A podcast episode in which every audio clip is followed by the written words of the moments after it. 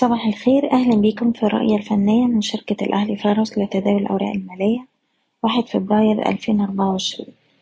في جلسة امبارح المؤشر اتعرض لضغوط بيعية قوية تراجع حوالي سبعة في المية وقفل عند أدنى مستويات الجلسة عند مستوى تمانية وعشرين ألف ميتين واحد وتمانين نقطة.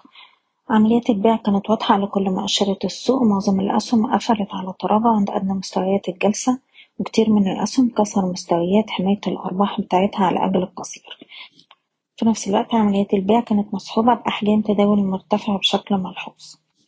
بدأنا نشهد التراجعات دي بعد ما وصلنا لمستوى التلاتين ألف وسبعمية نقطة وكنا أشرنا إن المناطق دي هيعاد فيها اختبار القوة الشرائية وقد تظهر بعض الضغوط البيعية من المستويات دي.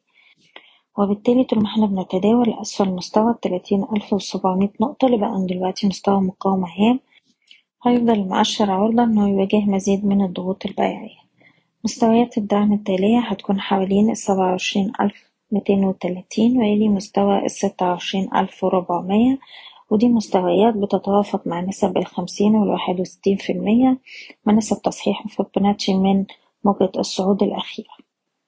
في الوقت الحالي أي محاولة للارتداد هنشوفها فرص لتخفيض المراكز حتى عودة القوة الشرائية بشكل منتظم. وعلى الأجل القصير بننصح بالالتزام بمستويات إيقاف الخسائر حسب كل سهم على حدة. بشكركم وأتمنى لكم التوفيق. إيضاح الشركة غير مسؤولة عن أي قرارات استثمارية يتم اتخاذها بناء على هذا التسجيل.